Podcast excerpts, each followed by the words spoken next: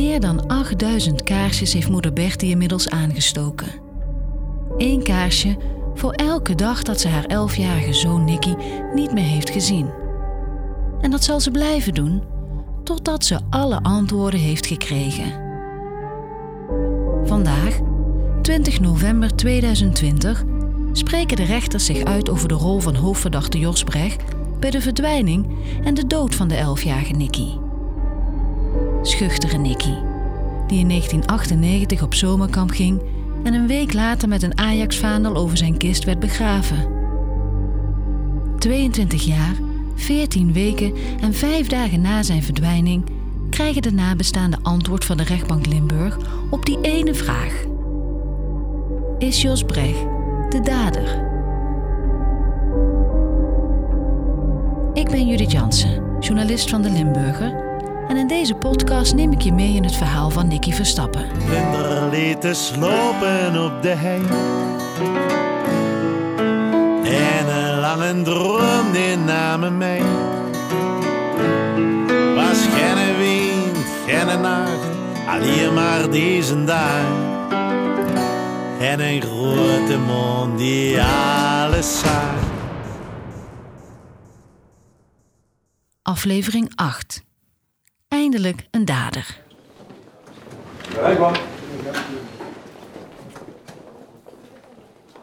Rijkhalzend hebben moeder Bertie, vader Peetje en zus Femke en iedereen die de zaak Nicky Verstappen de afgelopen jaren heeft gevolgd, uitgekeken naar dit moment. Vandaag, op de dag van het vonnis, ruim 22 jaar nadat de jongen op de Brunsumer Heide werd gevonden, komt eindelijk vast te staan welke rol Jos Brecht in de ogen van de rechters heeft gespeeld bij de verdwijning en dood van Nicky.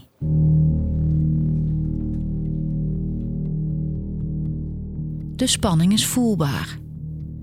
De familie Verstappen zit zwijgend naast elkaar. Steun en toeverlaat Peter R. de Vries flankeert de nabestaanden. Ook hoofdverdachte Jos Brecht heeft last van spanning. Zo heeft zijn advocaat Gerald Roethoff vlak voor de zitting laten weten aan de pers. Hij heeft volgens de raadsman last van gezonde spanning, maar zijn geweten is rein. Eenmaal in de zittingszaal blijft Brecht stoïcijns in dezelfde houding zitten, voorover gebogen aan een tafeltje. Zelfs als de rechtbank aan het eindoordeel is toegekomen, vertrekt hij geen spier.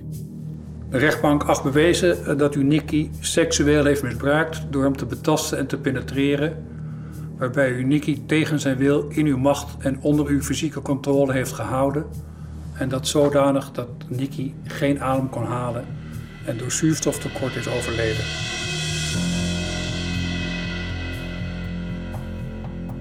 De rechtbank in Maastricht is deze vrijdag heel duidelijk. Jos Brecht, de 58-jarige verdachte uit Simpelveld, heeft Nicky in 1998 ontvoerd en misbruikt. Brecht wordt verantwoordelijk gehouden voor Nicky's dood, maar niet veroordeeld voor doodslag. Waar justitie ervan overtuigd is dat Brecht het jongetje opzettelijk heeft gedood om zijn misbruik te verhullen, sluit de rechtbank niet uit dat het overlijden onbedoeld is geweest. De rechtbank heeft geen bewijs dat u bent uit bent geweest op de dood van Nicky, maar het is wel een gevolg dat u kan worden toegerekend. Een vreselijk gevolg dat alleen al de oplegging van een langdurige gevangenisstraf rechtvaardigt. Zeker wanneer daarbij nog in aanmerking wordt genomen hoe het Nicky moet zijn vergaan, hoe angstig hij moet zijn geweest, overgeleverd aan een voor hem onbekende die zich bovendien aan hem vergreep. Volgens de rechters is het mogelijk dat Nicky niet doelbewust is gedood. Of het opzet was of per ongeluk is gegaan, valt nu niet meer vast te stellen, oordeelt de rechtbank. Het is Brecht echter wel aan te rekenen dat de jongen is overleden.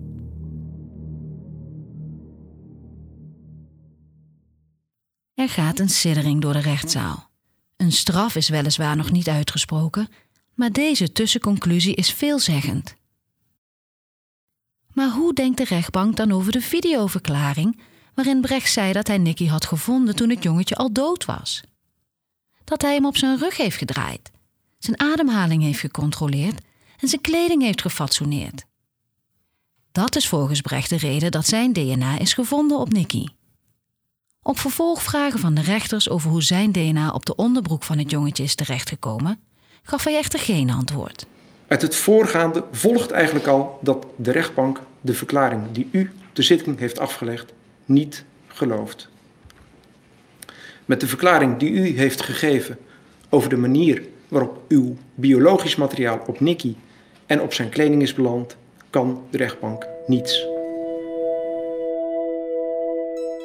De houding van Brecht tijdens het hele proces wordt hem kwalijk genomen.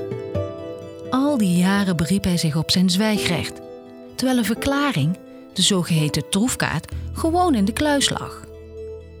Dat moet ondraaglijk zijn geweest voor de nabestaanden, menen de rechters. Ze noemen het een bittere troefkaart om te spelen. En kwetsen bovendien. Die houding zal worden meegenomen in de strafmaat. Een verklaring hield u al die tijd naar eigen zeggen als een troefkaart achter de hand. Dat moet voor de nabestaanden onverdraaglijk zijn geweest. De nabestaanden wachten op het moment van uw aanhouding al twintig jaar op antwoord op de vraag wat er met Nicky is gebeurd in de laatste dagen en uren van zijn leven. De rechters spreken klare taal. Voor hen is het duidelijk. Zonder uw handelen had Nicky Verstappen op dinsdag 11 augustus 1998 om tien voor negen s'avonds nog geleefd. Zonder Jos Brecht had Nicky Verstappen nog geleefd. En een lange celstraf is dan ook op zijn plaats, vinden de rechters. Dit resulteert in oplegging aan u van een gevangenisstraf voor uur van 12 jaren voor de feiten die u ten aanzien van Nicky Verstappen heeft gepleegd. Voor het bezit van kinderporno krijgt hij er nog een half jaar celstraf bovenop. In totaal krijgt Brecht dus 12,5 jaar cel opgelegd.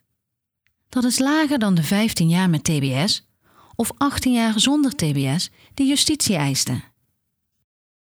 Huilend loopt Bertie Verstappen de rechtszaal uit. Meer dan een uur lang heeft ze zich sterk gehouden, maar nu komen alle emoties er in één keer uit. Er ligt eindelijk een vonnis. Maar geeft hij ook antwoord op alle vragen die al zo lang leven? Advocaat Roethoff heeft direct beroep aangetekend, zegt hij na afloop van de zitting tegen de toegestroomde pers. Ik denk dat um, drie dingen voor mij nu van belang zijn. Eén, terecht geen TBS. Twee, terecht geen doodslag bewezen verklaard.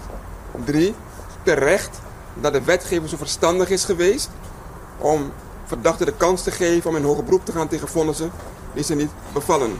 Want nummer drie, we hebben hier inmiddels in ieder geval beroep aangetekend. U hebt direct beroep aangetekend? Zonder meer. Later die dag, bij de RTL-talkshow Bo, waar hij tegenover Peter R. de Vries zit, maakt Roethoff een vergelijking met gerechtelijke dwalingen uit het verleden. Voor mij is dit een zaak die zou kunnen passen, zou kunnen passen in het rijtje Kees B, Lucia de B, die hebben we Jos B, die zaak die allemaal in beroep past op een later moment voor de verdachte goed zijn gekomen. Ja, maar dat hoorde ik u al. Dat, uh, dat u er een uh, soort letterspelletje van nee, maakt. Spelletjes is, meneer, uh, spelletjes is het niet. Spelletjes ik, is absoluut niet. ik kan u wel vier mm. of vijf namen opnoemen met een mm. B... die allemaal levenslang hebben in Nederland. Mm. Misschien hoort uw cliënt eerder in dat rijtje thuis. Gaan we zien uiteindelijk.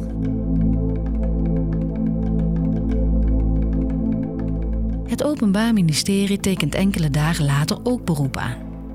Justitie is nog steeds overtuigd van de opzet van Brecht en vindt oplegging van TBS belangrijk vanwege de kans op herhaling.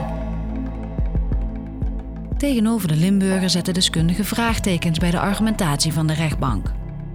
In hun ogen had het evengoed vrijspraak kunnen worden. Het was een dubbeltje op zijn kant, stelt DNA-specialist en advocaat Paul Agda. Behalve het gevonden DNA is het bewijs beperkt. Criminoloog Jasper van der Kemp ziet het zo. Het DNA van Brecht is dan wel op de kleding gevonden, maar niet op het onderlichaam. Terwijl je bij misbruik DNA op zoveel meer plaatsen zou mogen verwachten. Het klinkt als redeneren, zegt hij. We denken dat u schuldig bent en welk bewijs hebben we daarbij? Terwijl het andersom zou moeten zijn. Je moet redeneren vanuit onschuld. Iets dat Roethoff die avond ook vertelt bij Bo. Als ik uh, kijk naar de uitspraak, dan is het zo dat, uh, zoals ik de uitspraak gelezen heb, uh, vanuit een overtuiging. Eerst is het, was het idee daar, hij is het, hij moet het zijn. En op basis daarvan stukjes zijn gezocht om het idee maar te kunnen bevestigen. En dat is eigenlijk de omgekeerde volgorde. Je moet eerst kijken, is het bewijs daar? En dan kan je zeggen, is het genoeg voor een veroordeling? Zowel de advocaat Agda als de criminoloog Van der Kemp vindt dat het belastende bewijs door de rechtbank minder kritisch is beoordeeld dan het ontlastende bewijs. En dat kan een hoger beroep nog parten gaan spelen, is hun verwachting.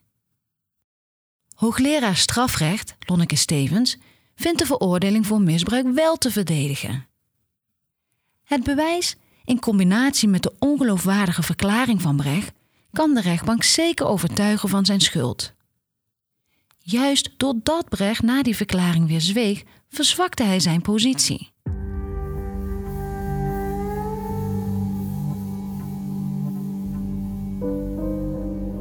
De rechtbank heeft recht gesproken. Critici hebben hun kanttekeningen geplaatst en het hoger beroep is aangetekend. Maar voor de nabestaanden is nu vooral belangrijk: er is een dader. We zijn van de ene kant opgelucht dat we het nu weten. Is voor ons natuurlijk nooit genoeg. Maar de rechtbank heeft nu wel gezorgd dat we een dader hebben en geen verdachte. Moeder Bertie.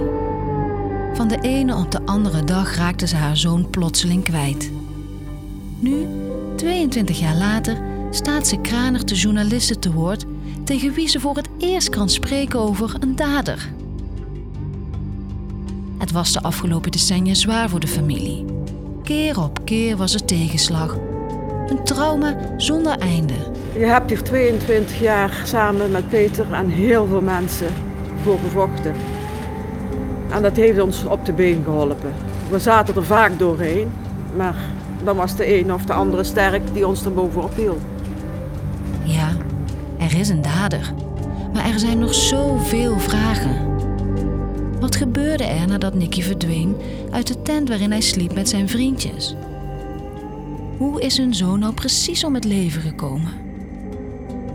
Komen ze ooit alles te weten?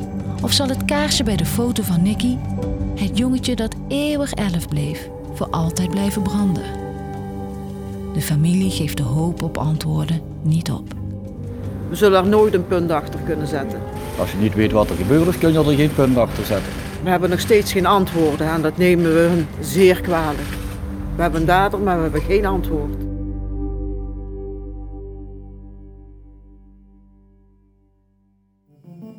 Je luisterde naar het verhaal van Nicky Verstappen, een podcastserie gebaseerd op honderden artikelen uit het archief van de Limburger. Gemaakt door mij, Judith Jansen, Rick van Hulst, Marco van Kampen en Joris Peters. Paul Bots en Claire van Dijk controleerden de feiten.